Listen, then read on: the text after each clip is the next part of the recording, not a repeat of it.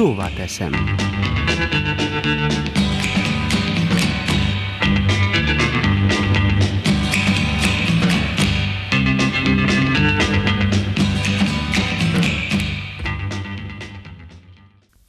Még egy olyan hét van mögöttünk, amely az új valóság gyakorlására adott esélyt.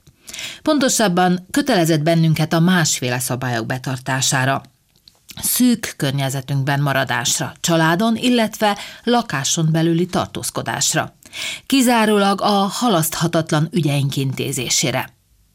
Az ismétlődő dallam, amely számtalan feldolgozásban csendült fel április óta, már egyre kopottabban visszhangzik maszkviselés, kézmosás, távolságtartás, higiénia, higiénia, higiénia. Ezt tettük, ezt tesszük. Aztán mégis a vidék, ahova még egy évvel ezelőtt is menekülni szerettek a városiak, a természeti szépsége és nagyrészt érintetlensége, az emberek kedvessége, vendégfogadása, barátságossága és még sok más előnye miatt még akkor is, ha a szociális helyzete a vendégfogadó muravidéki emberek nem is volt ragyogó, most megint a rossz hír az aktuális egészségügyi statisztika révén vette át a stafétabotot. Vezetünk az új koronavírussal fertőzöttek számával, pedig ebben nem akartuk lepipálni a többi szlovén régiót. De így történt. Ugyan miért? Kinek bökjük mutatójankat és merjük azt mondani, te vagy az oka.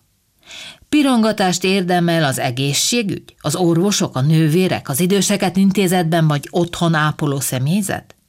Hát igen, könnyen nevezhetők bűnbaknak azok, akik a kórházakban vagy az időseket gondozó intézetekben törekszenek betartani az önvédelmi intézkedéseket. Hiszen tudják, a tettes mindig a tett helyen cselekszik, nem igaz? Az ember hajlamos gyors megoldást, kiutat, választ keresni, főleg amikor tehetetlen, vagy fél, vagy ismeretlennel áll szemben. Az új koronavírus az általunk kitalált és azt megfékezni hivatott intézkedések alól eddig ügyesen kibújt. Mint a csintalan gyermek, mindig megtalálja a módját, hogy átugorjon egy emberre, akinél otthonra lel, befészkeli magát, és tartja a csipiszt, hogy vendéglátója trehány alak legyen, aki nem törődik a védőintézkedésekkel. A SARS-CoV-2 az ő segítségével egy új áldozatra száll, és folytatja küldetését. Őt valóban nem érdekli kinek vagy minek a szüleménye, meg az sem, hogy gyerek, fiatalember vagy idős hölgy szervezetébe menekült. Nem érdekli sem az összeesküvés elmélete, sem a tudomány, sem az ellene készülő védőoltás veszélye. Vidáman terjed. Boldogan megbetegít, gondba ejti azokat, akiknek folyamatosan új módszereket kell kitalálniuk ellene.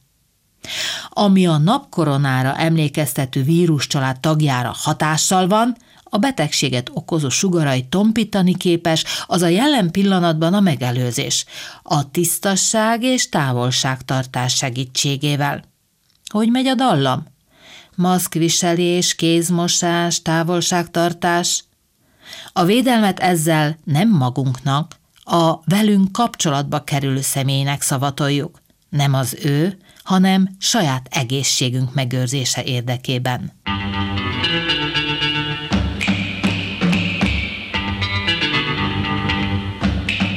Szóval teszem.